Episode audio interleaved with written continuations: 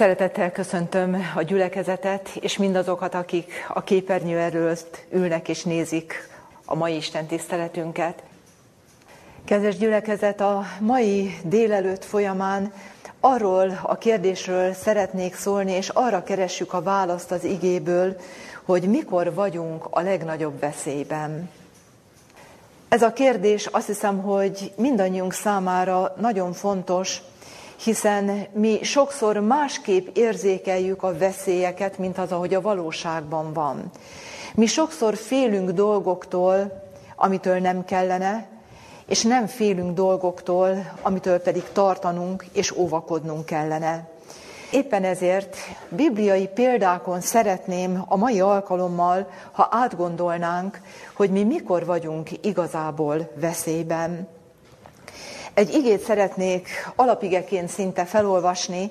A római levél 10. fejezet 13. versében Pálapostól azt mondja, hogy mert mindenki, aki segítségül hívja az Úr nevét, megtartatik.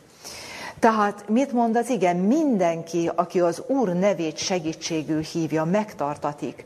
Megóvja Isten minden, mindentől, ami, ami az ő üdvösségének kárt okozna, vagy gátolná abban.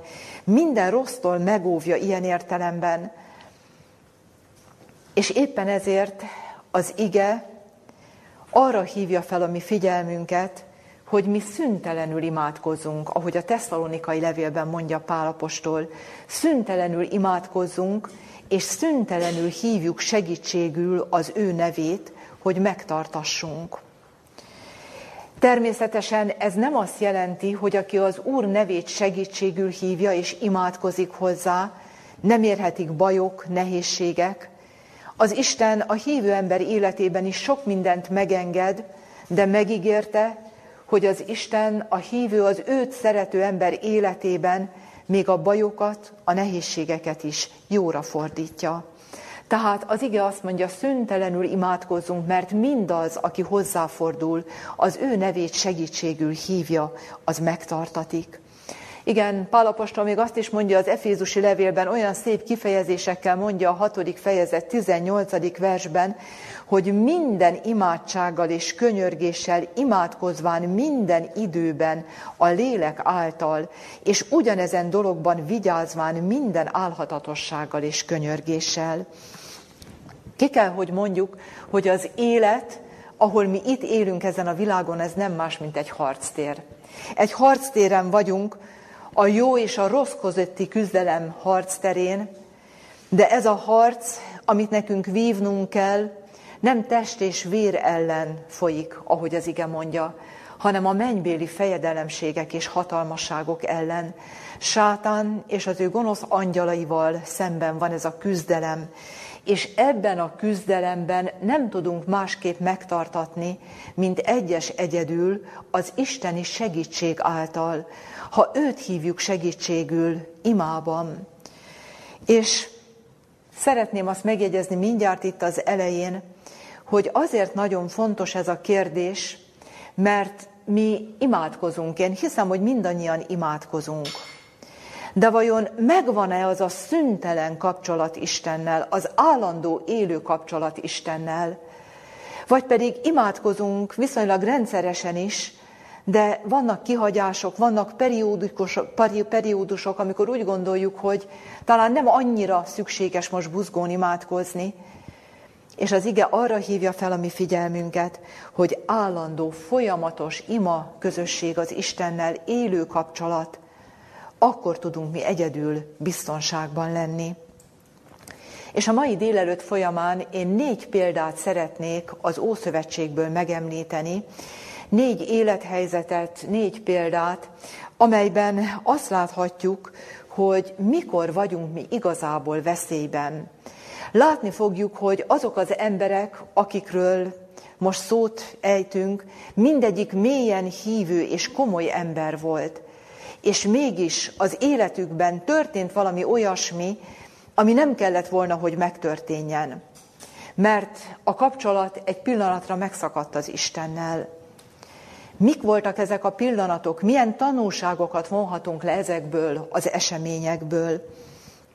A négy történet, amit szeretnék megemlíteni, egy-egy történetet nem teljes részletességében fogjuk elmondani, hiszen jól ismert történetek ezek, csak a tanulságokat szeretném, a legfontosabb mozzanatokat kiemelni, és annak a mi gondolatmenetünk szempontjából legfontosabb tanulságait szeretném hangsúlyozni.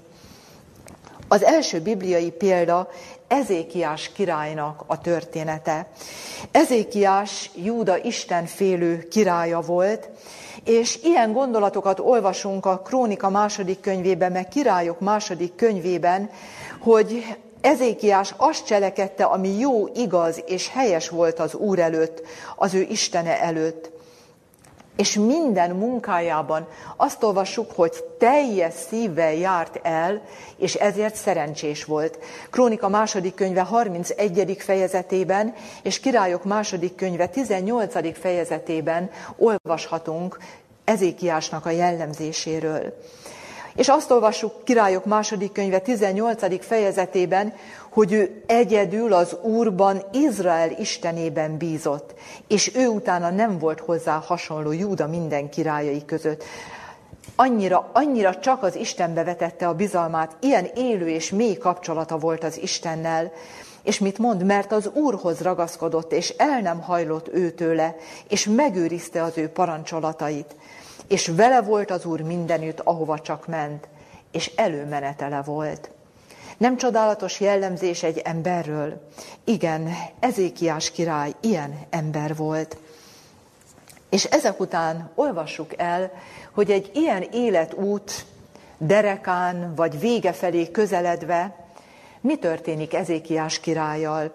Ézsaiás könyve 38. fejezetét lapozzuk fel, és ott olvassuk el az első öt verset. Azon napokban halálos betegségbe esett Ezékiás, és eljött hozzá Ézsaiás, Ámos fia a próféta, és mondta néki, ezt mondja az Úr, rendeld el házadat, mert meghalsz, és meg nem gyógyulsz. És Ezékiás arccal a falnak fordulván könyörgött az Úrnak, és mondta, Ó, Uram, emlékezzél meg arról, hogy én előtted jártam igazságban és egész szívvel, és hogy ami jó előtted, azt műveltem. És sírt Ezékiás keservesen. És lőn az úr beszéde Ézsaiáshoz mondván, menj el, és mondd Ezékiásnak, így szól az Úr Dávidnak, atyádnak Istene, hallottam imádságodat, láttam könnyeidet, imé még napjaidhoz tizenöt esztendőt adok. Ezékiás király halálos betegségbe esik, jön az úr üzenete, hogy meg kell halnia, rendezze el a házát, és Ezékiás király mit tesz? Sír, könyörög, alázatos szívvel keresi az Istent. Milyen szép ez az imádság, sok mindent nyilván nem jegyező a Szentírás, nyilván erről ennél több mindent is elmondott Ezékiás az imájában, de ez volt a lényege, és nézzük meg ezt a magatartását Ezékiás királynak. Miért imádkozik az Istenhez? Miért? Hát az Úr azt üzente, hogy meg fog halni. Akkor, akkor most miért imádkozik mégis így? Mert ő bízott az Istenben, hogy még ezt az ő végzését is képes elfordítani tőle, és még kegyelmez neki, és még ad neki életidőt. Hit a Teremtő Istenben, és mélységes alázattal volt az Isten iránt. És milyen lehetett ezt Ezékiásnak hallani, amikor Ézsaiáson keresztül, a profétán keresztül visszajön az Úr üzenete, és mit mond? Hallottam imádságodat, és láttam könnyeidet. Mennyire, mennyire vágyódunk mi is erre, amikor, amikor imádkozunk kétségbeesve, nehézségekben. Mi is mennyire vágyódunk arra, hogy ezt halljuk, hogy hallottam a te imádságodat, láttam a te könnyeidet, és mennyire várjuk az Úr feleletét az adott élethelyzetben. És mi történt? Ézsaiás az Úr üzenetét tolmácsolva elmondta Ezékiásnak, hogy még 15 esztendővel meghosszabbítja az ő életét. De nézzük meg azt, hogy milyen módon viselkedik ezek után Ezékiás király. Nem akár milyen jelet kapott Ezékiás, Ezékiás, hogy meg fog gyógyulni, mert az volt a jele, hogy meg fog gyógyulni, hogy 10 fokkal visszamegy a grádicson a napóra. Tehát valami hatalmas természet fölötti csoda, tehát az emberi természet, tehát a Földön ugye ilyen nem létezik, és az Úr visszatérítette ugye az órán ezeket a, a fokokat, tehát visszatolta az időt, hogy úgy mondjam, és ez valami akkora csoda volt, hogy ennek a híre eljutott mindenhova. Eljutott ennek a híre mindenfelé, és eljutott Babilóniába is, ahol bölcsek voltak, akik figyelték ugye a csillagokat, a csillagok állását, látták, hogy a napórán a grádicsok visszamennek tíz fokkal, és eljutott hozzájuk a híre, hogy ez egy isteni csoda volt, mert Izrael királya, azaz Júda királya egy halálos betegségből meggyógyult, és ez egy isteni csoda, ami itt történt. És nézzük meg, olvassuk el Ézsaiás könyve 39. fejezetéből a következő szakaszt, az első-második verset. Abban az időben levelet és ajándékot küldött a babiloniai király Ezékiás királyhoz, mert hallotta, hogy beteg volt és meggyógyult. És örvendezett rajtak Ezékiás, örült ugye a király, hogy jönnek ezek a követek, és ugye, hogy üdvözlik őt a gyógyulása alkalmából, és megmutatta nekik tárházát, az ezüstöt, az aranyat, a fűszereket, a drágakenetet, és egész fegyvertárát, és mindent, ami kincsei közt található volt. Semmi nem volt, amit meg nem mutatott volna Ezékiás házában, és egész birodalmában. Mit csinál Ezékiás király? Jönnek ezek a követek, mert hallották, hogy az Isten valami hatalmas dolgot cselekedett, az ő Istene, Júdának az Istene. Nyilván valamit hallani, látni szerettek volna arról az Istenről, aki ezt a csodát cselekedte. Milyen lehetőség volt itt Ezékiás király kezében? bizonyságot tenni az élő Istenről, elmondani a beleszerzett tapasztalatot, az Istent megdicsőíteni, bemutatni őt azoknak az embereknek, a pogányoknak, akik bálványimádóknak, akik nem ismerik az egy élő Istent. És ezzel szemben miről tett tanúságot, és miről beszélt Ezékiás király? Olvassuk tovább az itteni szakaszt a harmadik és negyedik versben. És eljött Ézsaiás a próféta Ezékiás királyhoz, és mondanéki, mit szóltak az emberek, és honnan jöttek te hozzád? És mondta Ezékiás, messze földről jöttek hozzám Bábelből, és mondta, mit láttak házadban? És mondta Ezékiás, mindent láttak, ami csak házamban van, semmi nincs, amit meg nem mutattam volna nekik, kincseim közül. Mit követett el itt Ezékiás? Egy bűnt követett el, és hatalmas hibát követett el. Ott volt ez a mérhetetlenül nagy tapasztalata. Fellélegzett, örvendhetett az isteni szabadításnak, és ahelyett, hogy róla tett volna bizonyságot, a kincseit mutogatta. És miért volt ez végzetes hiba? Mert a babilóniaiak így a saját szemükkel látták a követek, hogy milyen kincsek vannak felhalmozva Júdában, és meg is lett ennek később, ugye amikor a babilóniaiak megtámadják Júdát, és el is viszik az úrházának minden kincseit, meg is lett ennek a következménye. Igen, nézzük meg ebből a tanulságot, ebből a történetből, akár milyen eredményeket érünk el ebben az életben, akár milyen hittapasztalataink vannak, akár milyen csodát cselekedett velünk az Isten, és ott vagyunk szinte még az Isten közelében, azt lehet mondani, annak a csodának a, tényleg azt az áldásait élvezzük, akkor sem vagyunk biztonságban. Akkor is ugyanúgy kell imádkoznunk, mint amikor a nyomorúságban voltunk. Akkor is ugyanúgy. Mert hogyha elengedjük az Isten kezét, most már milyen csodálatosan megszabadított, most már minden jó, már nem kell annyira buzgón imádkozni. Mi következik ekkor? Abban a pillanatban sátán megjelenik a kísértéssel, magunkra vagyunk hagyva, mert nem kérjük az Isten segítségét, mert hát milyen csodálatos tapasztalatban volt most még részünk, nem olyan túl régen, és abban a pillanatban bukás következhet be az emberi életben. És nézzük meg, hogy Krónika második könyve 32. fejezete, hogy mondja ezt a gondolatot, hogy mit cselekedett Ezékiás. Nem cselekedett Ezékiás az ő hozzávaló jó tétemény szerint, mert magában felfuvalkodott. Figyeljük meg, magában felfuvalkodott. Mennyire tragikus egy ilyen hatalmas tapasztalat után. Gondolnánk, hogy egy ilyen Istennel szerzett tapasztalat után mi veszélyben vagyunk? Hát úgy gondoljuk, hogy az isteni szeretet körülölel bennünket. Most már semmi baj nem történhet ezek után. Biztonságban vagyunk. Nem, sátán ilyenkor támad a legjobban. Amikor egy pillanatra azt gondoljuk, hogy most már nem kell annyira az Istenbe kapaszkodnunk. Nézzük meg a második történetet, és egész röviden Gedeon történetéről szeretnék szólni.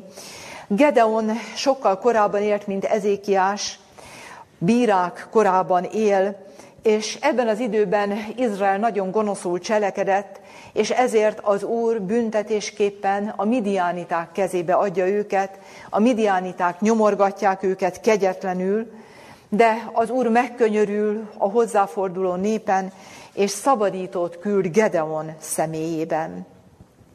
Egész röviden megint csak azt szeretném áttekinteni, hogy mi jellemezte Gedeont. Gedeon alázatos volt. Semminek és senkinek tartotta magát, amikor az Úr megszólította őt, nem érezte magát alkalmasnak arra, hogy a midiánitákon, a hatalmas túlerővel szemben ő bármit is tehetne, és győzelmet arathatna rajtuk. Megerősítést kér annak érdekében, hogy valóban az Isten hívő előtt erre a szolgálatra. Az Úr megerősíti jellel és csodával, három ízben is kap Gedeon megerősítés jelet, sőt, amikor már szinte ott vannak a harc küszöbén, az Úr egy újból egy olyan eseményt enged meg az életében, hogy megerősíti egy olyan párbeszéd meghallása következtében, ami, ami valóban bátorságot és erőt adott igazából Gedeonnak. Tehát az Úr négyszeresen, és ki, ki tudja, hogy, hogy még a lelkében hányszor szólította meg Gedeont, adta a bizonyságát annak, hogy vele van elmondhatjuk, hogy Gedeon is azt élhette át, hogy igen, az Isten meghallgathatja, és meg is hallgatja a hozzáforduló ember könyörgését, sőt, többet cselekszik, mint kérni, vagy elgondolni tudnánk. Ezt tapasztalta meg Gedeon is. És nézzük meg, hogy ezek után mi történik. Fényes győzelmet arat, szerény, nem magának tulajdonítja a győzelmet, tényleg csodálatos jellemű Gedeon. És nézzük meg, hogy miből látszik, hogy ő, ő Istenfélő ember volt. A Bírák könyve 8. fejezet 22 és 23. versében azt olvassuk, hogy ezután a győzelem után azt mondták az Izrael fiai Gedeonnak, uralkodjál felettünk te és a te fiad, és a te fiadnak fia, mert megszabadítottál bennünket a midiániták kezéből. És mondta nékik Gedeon, én nem uralkodom felettetek, sem az én fiam nem fog uralkodni rajtatok. Az Úr uralkodik ti felettetek. Tehát ők királya akarták Gedeont tenni. Tehát azt akarták, hogy ő uralkodjon felettük. És mit mond Gedeon? Elhárítja mindezt. Miért? Mert ez a teokráciának, az isteni uralomnak a megszegése lenne, hiszen mindig Isten akarta kinevezni azt a valakit, aki Izrael élén van. Abban az időben a bírákat is Isten nevezte ki, Isten hívta el őket. És a királyság intézménye ugye nem erről, volt, nem erről szólt, mert mit mondtak neki? Hogy a te és a te fiaid te utánad. Ugye a királyság ugye az mindig örökletes volt, ugye legalábbis abban az időben ugye ez így volt, és most is nagyon sokszor ugye ez így van. Tehát ez alapvetően egy ilyen intézmény, és az Úr azt akarta, hogy az ország élén mindig olyan valaki legyen, akit ő hív el, akin keresztül ő hatalmasan tud cselekedni az ő népéért. Tehát Gedeon szerény és alázatos, istenfélő ember. És nézzük meg, hogy egy idő után mégis mi történik. Azt olvassuk Bírák könyve 8. fejezet 24., 25. és 27. versében, hogy ezután mondta nékik Gedeon, egyet kívánok csak tőletek, hogy adja nekem mindegyik őtök a zsákmányul ejtett fülönfüggőket, mert arany fülönfüggőik voltak azoknak, mivel hogy izmaeliták voltak. És mondták, örömes neked adjuk. És leterítettek egy ruhát, és mindenki arra dobta a fülönfüggőket, melyeket prédául ejtett. És készített abból Gedeon efódot, és helyeztette azt a maga városába, Ofrában, és ott paráználkodott azután az egész Izrael, és lett ez Gedeonnak és háza népének törbe ejtésére. Mi történt? Mit csinált itt Gedeon? Amikor megszűnt a veszély, amikor nyugalom következett be az ő életében, akkor jött a legnagyobb veszedelem. Eddig hűségesen teljesítette az Isten utasításait, az Istenbe kapaszkodva, és most mit csinált? Most a saját útján járt el. Korábbi tapasztalataiból Gedeon arra következtetett, hogy, hogy ő papi szolgálatot is végezhet. És a főpap ruhájához hasonlóan efódot és hósent készítetett ezekből az az ékszerekből, ugye, amiket, ugye, amiket a midiánitáktól szereztek az, az izraeliták. És ezzel tulajdonképpen mit csinál Gedeon? Azt olvassuk, hogy ez az Izrael házának a törbe ejtésére lett, mert innentől kezdve a bálványimádás újból tért hódított, az Úr csak a szent sátornál engedte meg ezeknek az áldozatoknak a bemutatását, és az Isten tiszteletnek ezt a fajta gyakorlását, és ez az önkényes Isten tisztelet, ennek a bevezetése, ez Izraelt ismét visszavezette abba a bálványimádásba, amiből Gedeon megszabadította őket az Úr segítsége által. Döbbenetes, azt olvassuk, hogy így olvassuk a Pátriákák és Proféták című könyvből, szeretnék egy idézetet olvasni. Az önkényes Isten tisztelet gyakorlása végül sokakat az Úr teljes elhagyására vezetett, hogy azután bálványoknak szolgáljanak. Gedeon halála után sokan, köztük családja is csatlakoztak a hitehagyókhoz.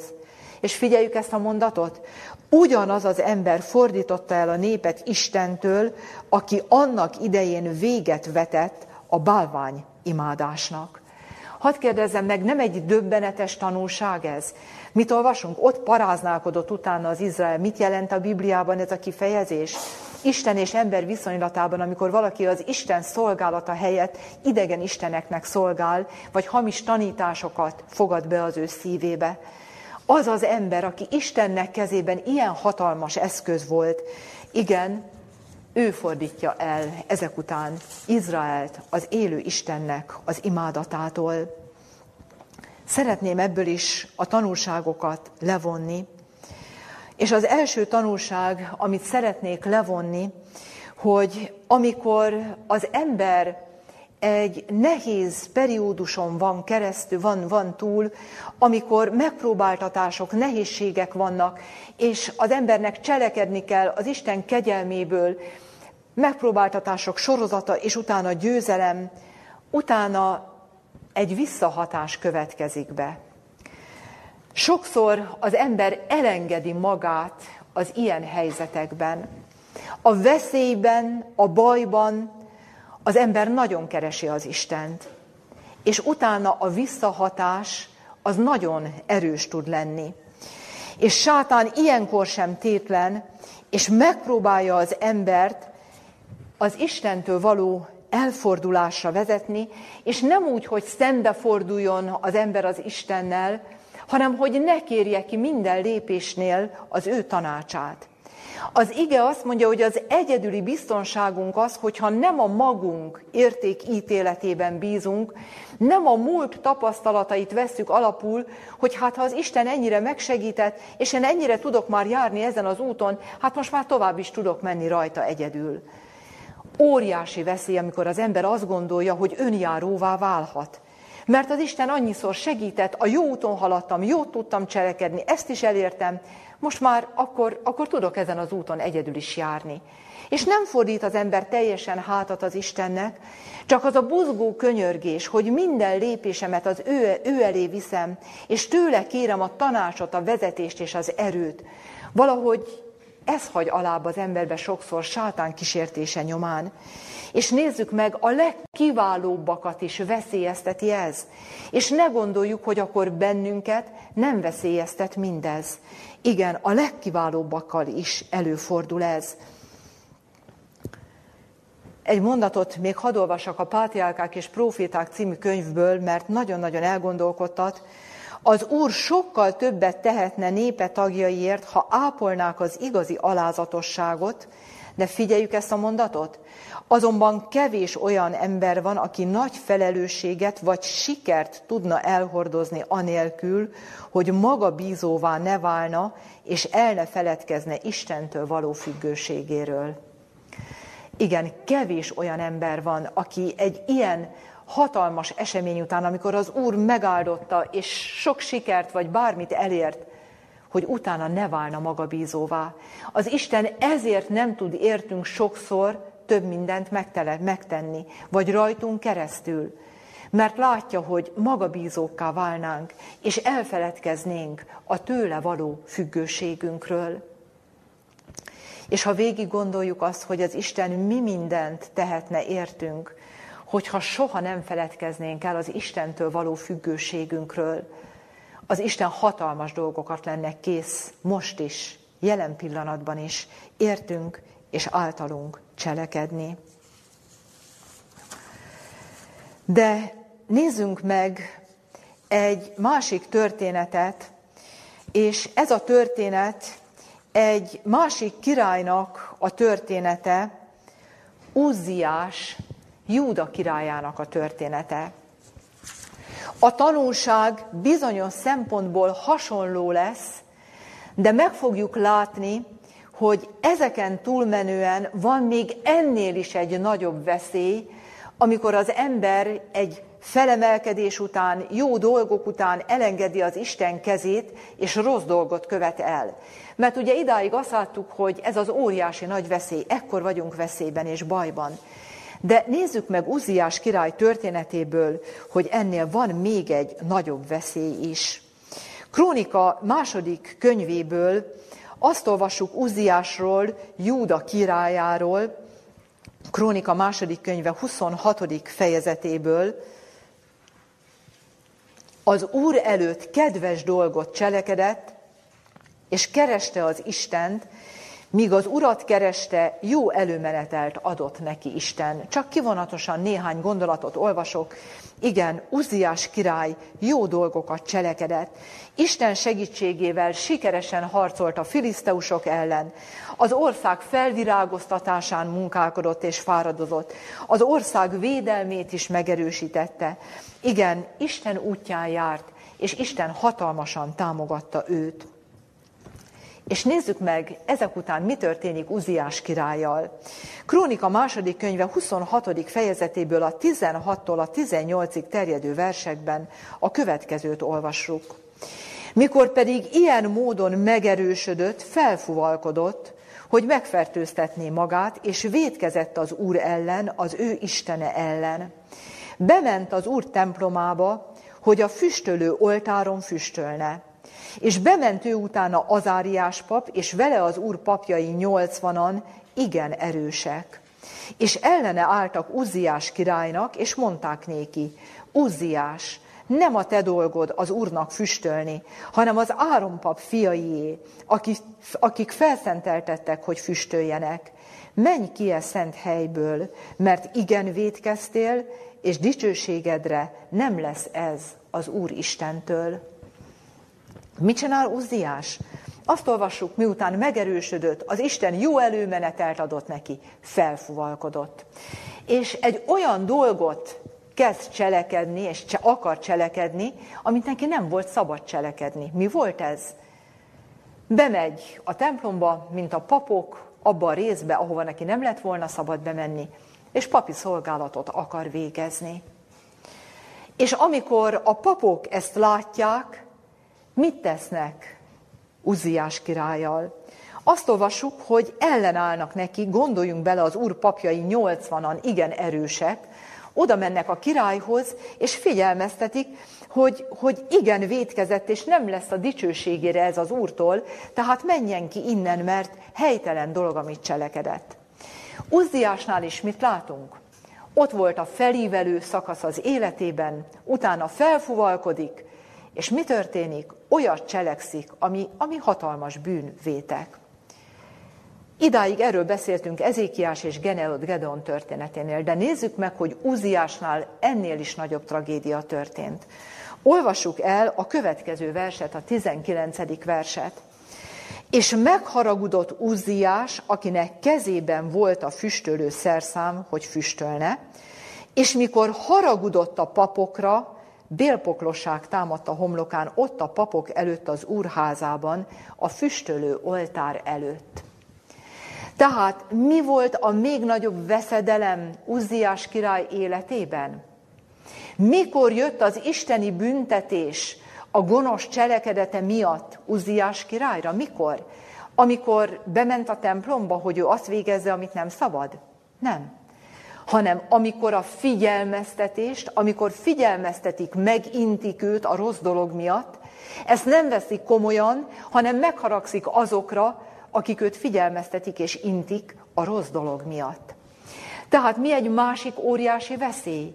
Hogy amikor elengedjük az Isten kezét, mert úgy gondoljuk, hogy hát mi most már biztosan tudunk járni az Isten útján, és közben mégis helytelen dolgot cselekszünk, és akkor figyelmeztet bennünket valaki, akkor az emberi büszkeség sokszor nem tudja elviselni az intést és a dorgálást, a feddést. Szeretjük mi, amikor valaki figyelmeztet a mi hibáinkra? Ugye mennyire nem szeretjük? Az Isten, amikor mi elengedjük az ő kezét, akármilyen hatalmas tapasztalatok után, akármilyen helytelen dolgot cselekszünk, az Isten soha nem hagyja az embert magára, figyelmeztet. Az Isten hogy figyelmezteti az embert?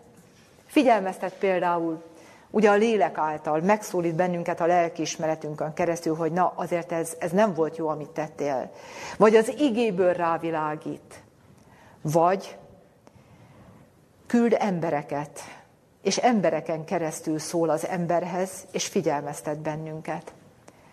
De hogy vagyunk mi ezzel valóban emberek, amikor valaki figyelmeztet bennünket? Mennyire tud az emberben ágaskodni az én? Mennyire tud az ember tiltakozni, az emberi büszkeség, hogy nekem mondták ezt, ő mondja, nekem, aki ennyi és ennyi dolgot már az Isten kegyelméből így és így jártam, meg ezt és ezt tettem. Ugye Uziás király ennyi dolgot cselekedett, ilyen jó dolgokat, és akkor őt figyelmeztetik?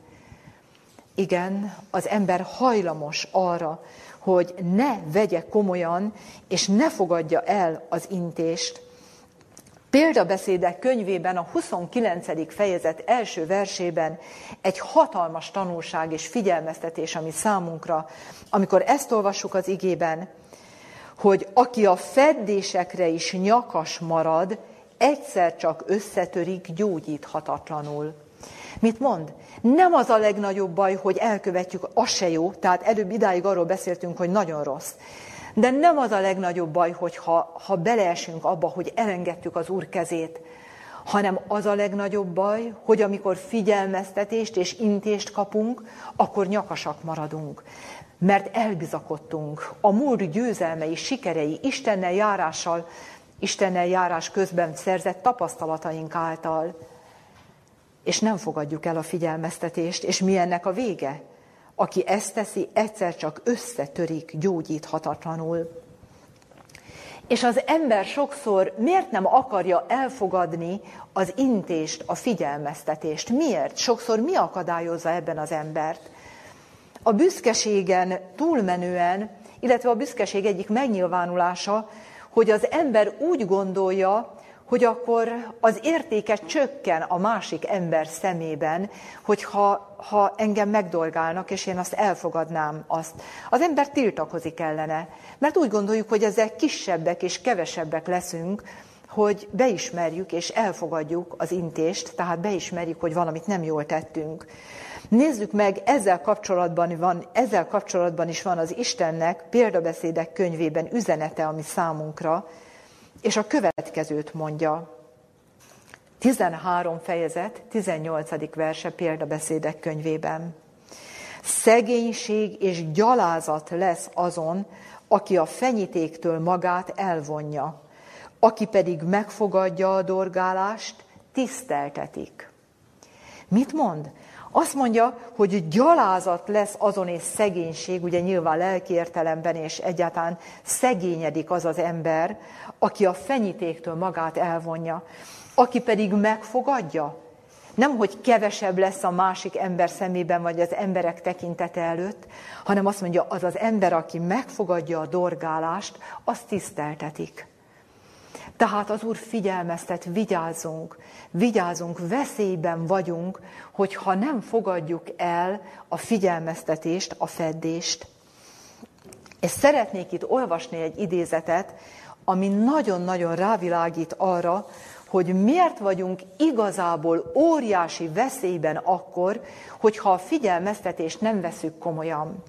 Ezt az idézetet eh, a bizonyságtételek negyedik kötetéből szeretném olvasni, és így olvasom, szigorú a vizsga ma férfiak és nők bátorsága számára, ha szembesítik őket a bűneikkel.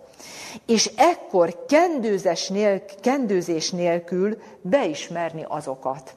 Igen, azt mondja, ez egy a bátorságnak egy szigorú vizsgája, vagy egy, egy kemény próbája. És azt mondja, hogy így szólni az ilyen helyzetben, hogy ezt a hibát az én számlámra kell elkönyvelni, a belső erkölcsi erő olyan erejére van szükség, amelyel a világ csak korlátolt mennyiségben rendelkezik. De akinek van bátorsága, hogy őszintén, köntör falazás nélkül kimondja, döntő győzelmet arat maga mögött, és egyúttal hathatósan bezárja az ajtót az ellenség előtt. Mit mond ez az idézet? Az egyik legnagyobb próba, hogy amikor bennünket figyelmeztetnek, akkor azt mondani, hogy igen, ezt én követtem el, ezt a bűnt az én számlámra kell elírni. Amikor az ember nem kezdi mondani, hogy jó, igen, de hát tudjátok meg ez és de ez és de nem. Amikor az ember elismerni kendőzés nélkül, hogy igen, ez én voltam, ez helytelen volt, ez hiba volt. Azt mondja, hogy ehhez olyan erkölcsi erőre van szükség, amivel azt mondja, hogy a világ csak korlátozott mértékig rendelkezik. De mit mond? És itt jön a döntő mondat, hogy akinek van bátorsága, erkölcsi ereje ezt megtenni, hogy ezt köntörfalazás nélkül kimondja, akkor figyeljük, döntő győzelmet arat önmaga fölött. Hadd kérdezzem meg, melyik a legnagyobb győzelem, amit a világon el tudunk érni? Az önmagunk felett való győzelem. Aki uralkodik a maga indulatján, erősebb a hódítóknál, azoknál, akik várost vesznek meg az első az, hogy önmagunk felett tudunk győzelmet aratni, és utána itt jön még egy másik félmondat, hogy és egyúttal hathatósan bezárja az ajtót az ellenség előtt. Hú, micsoda mondat ez. Miért? Azért úgy megkérdezném, hogy volt-e már valaki közülünk, aki amikor figyelmeztették valamire, akkor kicsit megsértődött. Volt-e már ilyen közülünk? Én azt hiszem, hogy mindannyian ismerjük ezt az érzést. És miért veszedelmes dolog ez? Miért veszedelmes? Mert a sértődés, amikor megharagszom, figyeljük meg, arra haragszunk meg, aki intett bennünket. És mi történik ilyenkor? Ilyenkor az történik, hogy akire megsértődtünk, akire haragszunk, annak nem fogunk jót akarni, táplálja bennünk ugye sátán ezt az érzést, és és ellenszemvel fogunk rátekinteni, és bűnök sokaságát nyitja meg az ember, nyitja, bocsánat, bűnök sokasága előtt nyitja meg az ajtót az ember akkor, hogyha nem e szerint, az elv szerint jár el, idézőjelbe teszem, hogy elfogadja a feddést és a dorgálást. De hadd kérdezem meg, megvalósíthatjuk ezt a bibliai elvet a magunk erejéből? Semmiképpen. Ekkor is mire van szükség? Istenhez fordulni, könyörögni. Uram, adj alázatot, adjad, hogy el tudjam fogadni. Adjad, hogy, hogy ne haragudjak, ne sértődjek meg. Ha igaza van, akkor adjak hálát, hogy figyelmeztetett valaki engem a rosszra. Ha pedig nincs igaza, akkor örüljek, hogy nem, nem igaz végső soron, amit mondott, mert van ilyen is, hogy olyasmiért szólnak ugye az embernek, ami, ami nem is valós. Igen, óriási tanulság van ebben az élethelyzetben is. És ezek után szeretnék egy másik, egy utolsó történetet megemlíteni, egy olyan történetet, amelynek a tanulságai, én úgy gondolom, hogy a tanulságait nem lehet kellőképpen értékelni, és ezt a figyelmeztetést nem lehet igazából eléggé megszívlelni, ami Illés próféta életében történt. Illés próféta, ugye azt hiszem, hogy nem is kell őt bemutatnunk ilyen értelemben, mert olvassuk az ő csodálatos történetét az igében. Az ő imádságára három és fél évig nincs eső, ugye a hitehagyó bálványimádásban merült Izraelben. Utána a Kármel, imá, Kármel hegyén az imájára, ugye amikor felállítják a két oltárt, tűz robban fel az ő imádságára. Akkor utána a keze végrehajtja az Isten ítéletét, a bálvány áldozat, bálvány Isten tiszteletet gyakorló papokon, utána esőért könyörög, és három és fél év után újra elered az eső. Tehát valóban azt lehet mondani, hogy ennél magasabbra ember nem juthat. Istenhez ennél közelebb ember szinte nem kerülhet, mint ahogy Illés kerül az Istenhez ebben az élethelyzetben. Három és fél éves küzdelem, imaküzdelem, megpróbáltatás, nehézség, hitpróba egyszer csak véget ér. Igen, az Isten hatalmas diadalt arat. Egyértelmű, hogy ki az Isten Izraelben, a bálványpapokon az ítélet végrehajtva, az eső végre esik, legördül a teher az ember lelkéről. És ekkor leselkedett Illésre a legnagyobb veszély. Nagyobb veszély leselkedett rá, mint ott Kármel hegyén, amikor könyörgött az Istenhez, hogy adjon tüzet és gyújtsa meg az égő áldozati oltárt. Miért? Mert mi történt?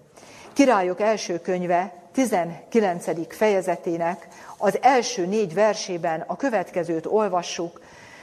Akháb, ugye a király, Izrael királya, akinek a pogány felesége Jézabel hozza be a bálványimádást tulajdonképpen, és erősíti meg Izraelben. Azt olvassuk, amikor Akháb elbeszélte Jézabelnek, amelyeket Illés cselekedett, és többek között, hogy hogyan ölte meg mind a profétákat, ugye a Baal profétáit fegyverrel, és követet küldött Jézabel Illéshez mondván, ezt cselekedjék velem az Istenek, és úgy segéljenek, ha holnap ilyenkor úgy nem cselekszem a te életeddel, mint ahogy te cselekedtél azoknak életével mindegyig. Amit amikor megértett, felkelvén elment, vigyázván az ő életére. És ment Beérsebába, amely Júdában volt, és ott hagyta az ő szolgáját. Ő pedig elment a pusztába egy napi járóföldre, és elmenvén leült egy fenyőfa alá, és könyörgött, hogy hadd halljon meg, és mondta, elég, most ó Uram, vedd el az én lelkemet, mert nem vagyok jobb az én atyáimnál. Azt gondolnánk, hogy ilyen hit tapasztalatok után, ilyen magaslat után már illést nem lehet megfélemlíteni, nem lehet megrettenteni. És mégis az üzenet, Jézabelnek üzenete, hogy ugyanúgy fog cselekedni Illéssel, ahogy ő cselekedett a Baál papokkal. Mit okozott Illés életében? Illés megijedt, félt és elcsüggett. Elcsüggett, És ki kell, hogy mondjuk azt, hogy a csüggedésében és ebben a félelmében olyat tett, amit nem lett volna szabad tennie. Mert mit csinál? Elmenekül a fenyegetés elől. Ha Illés ott marad a helyén, kitartóan, Jézabel fenyegetése ellenére is újabb hatalmas hídgyőzelem lett volna, és segítette volna még inkább a népet abban, hogy az Isten hatalmasan tudjon értük cselekedni, és megmutassa az Úr az ő hatalmát a Baál papok előtt és Jézabel előtt is. Tehát Illés a csüggedésében, a félelmében olyan dolgot tesz, ami nem az Úr akarata volt. De álljunk meg azért itt egy pillanatra, és szeretném megkérdezni azt, hogy vajon Illés rendkívüli eset az emberi történelemben, hogy akár hosszú ideig tartó Istennel járás és nagy tapasztalatok után is egyszer csak elcsügged. Hát hogy lehet ilyen illés? Ez egy rendkívüli eset a Bibliában? Vagy pedig velünk is előfordul. Néhány idézetet szeretnék a Proféták és Királyok című könyvből olvasni. Nagyon megrázóan szép idézetek ezek. Az egyik idézetet így olvasom, mindenkit érnek keserű csalódások, és olykor mindenkit hatalmába kerít a csüggedés. Tapasztaltuk ezt? Azt hiszem, hogy mindannyian. Amikor a fájdalom az ember sorsa, és nehéz elhinni, hogy Isten még mindig jóságos segítője földi gyermekeinek. Amikor annyira gyötrik a bajok, hogy inkább kívánja a halált, mint az életet. Volt már ilyen az életünkben, amikor ennyire nagy csalódásban, keserűségben, csüggedésben voltunk. És utána mit mond? Itt jön a figyelmeztetés. Ilyenkor sokan elengedik Isten kezét, és a kételj rabságába, a hitetlenség fogságába esnek. Miért? Hát Uram, ha eddig így megsegítettél, akkor most miért engeded meg ezt a következő bajt is? Hát én a te utaidon jártam. Én veled ennyi és ennyi tapasztalatot szereztem. És most mégis megengeded ezt a következő bajt is? Az ember elcsügged, kételyt enged a szívében, és hajlamos ilyenkor az ember elengedni az Isten kezét.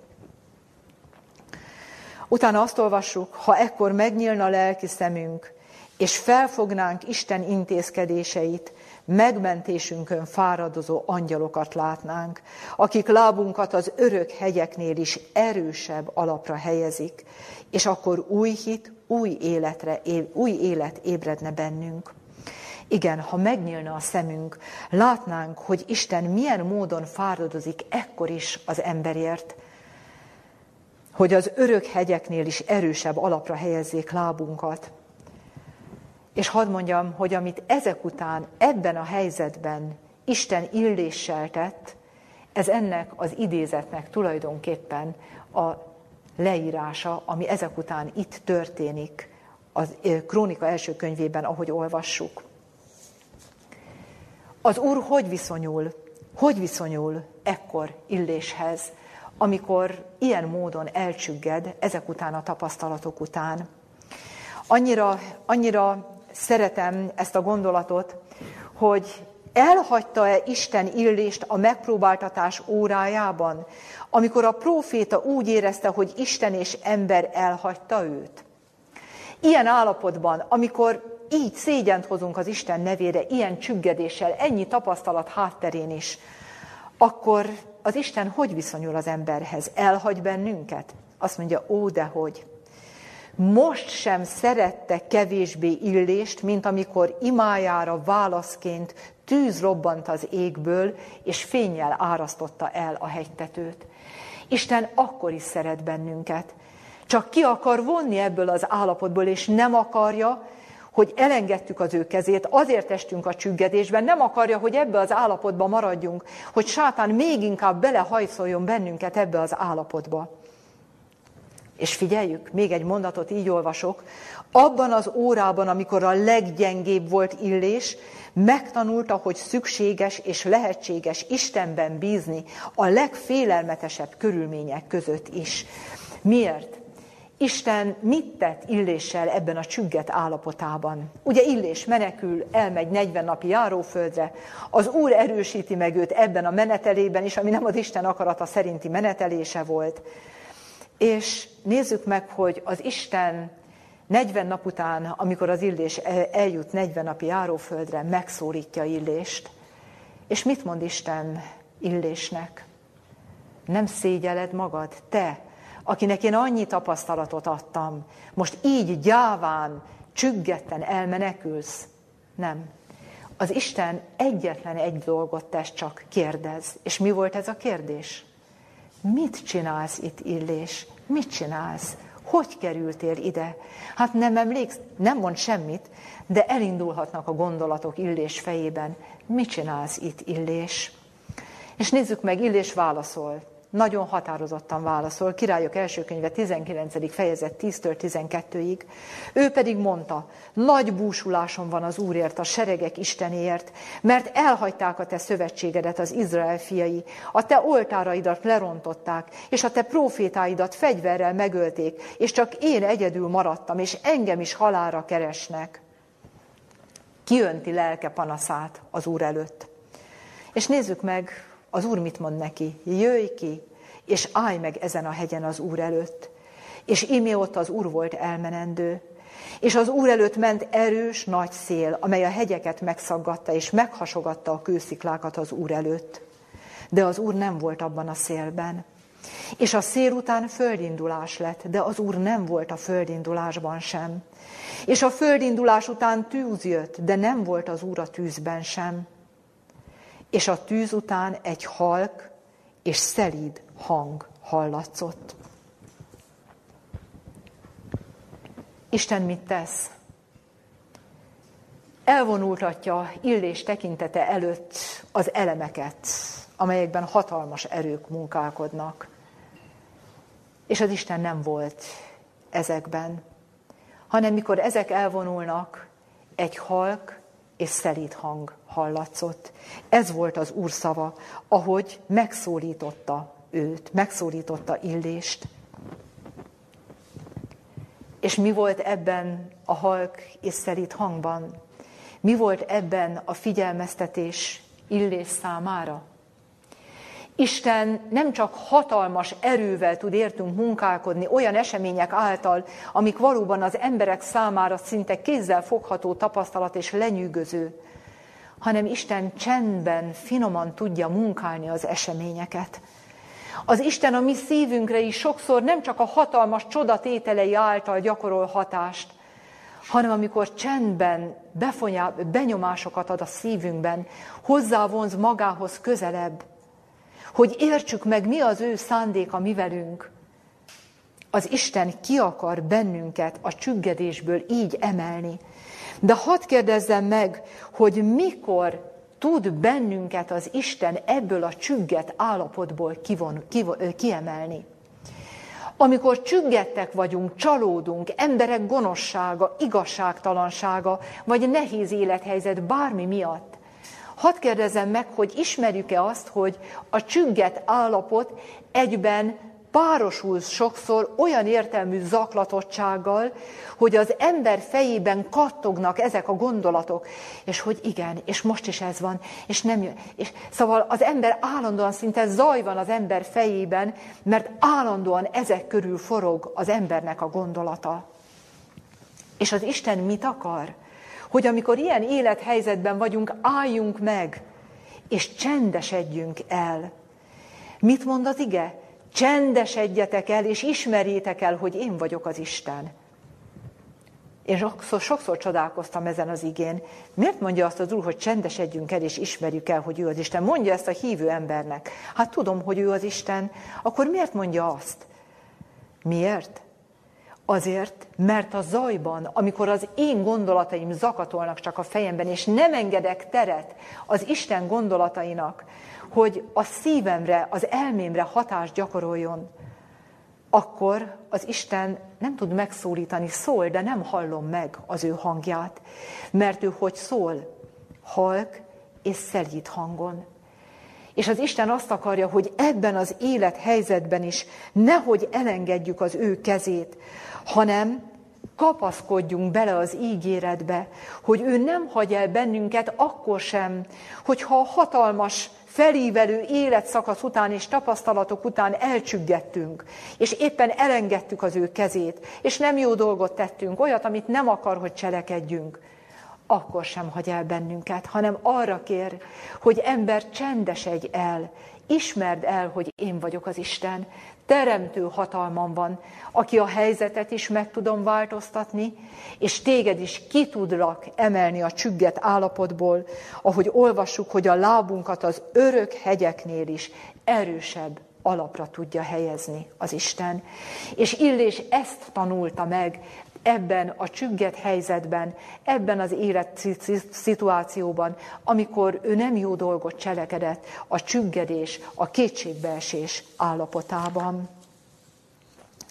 Még egy dolgot szeretnék itt megemlíteni, amit nagyon-nagyon fontos szerintem megjegyeznünk, hogy amikor az ember ilyen állapotban van, Mind a két állapotot említhetjük, tehát amikor jó állapotunkban megerősödünk, és elengedjük ugye az Isten kezét egy pillanatra, mert magabízókká válunk, vagy pedig csüggedés és kételj fog el bennünket, ezekben a pillanatokban sátán kísértése a legerőteljesebb.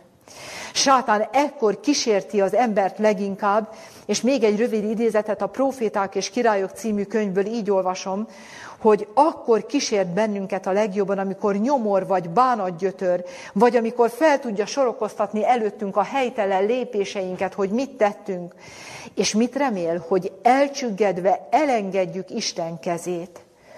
Igen, a csüggedés megrendítheti a leghősiesebb hitű és legerősebb akaratú embert is, de Isten megérti és ilyenkor is szánja és szereti.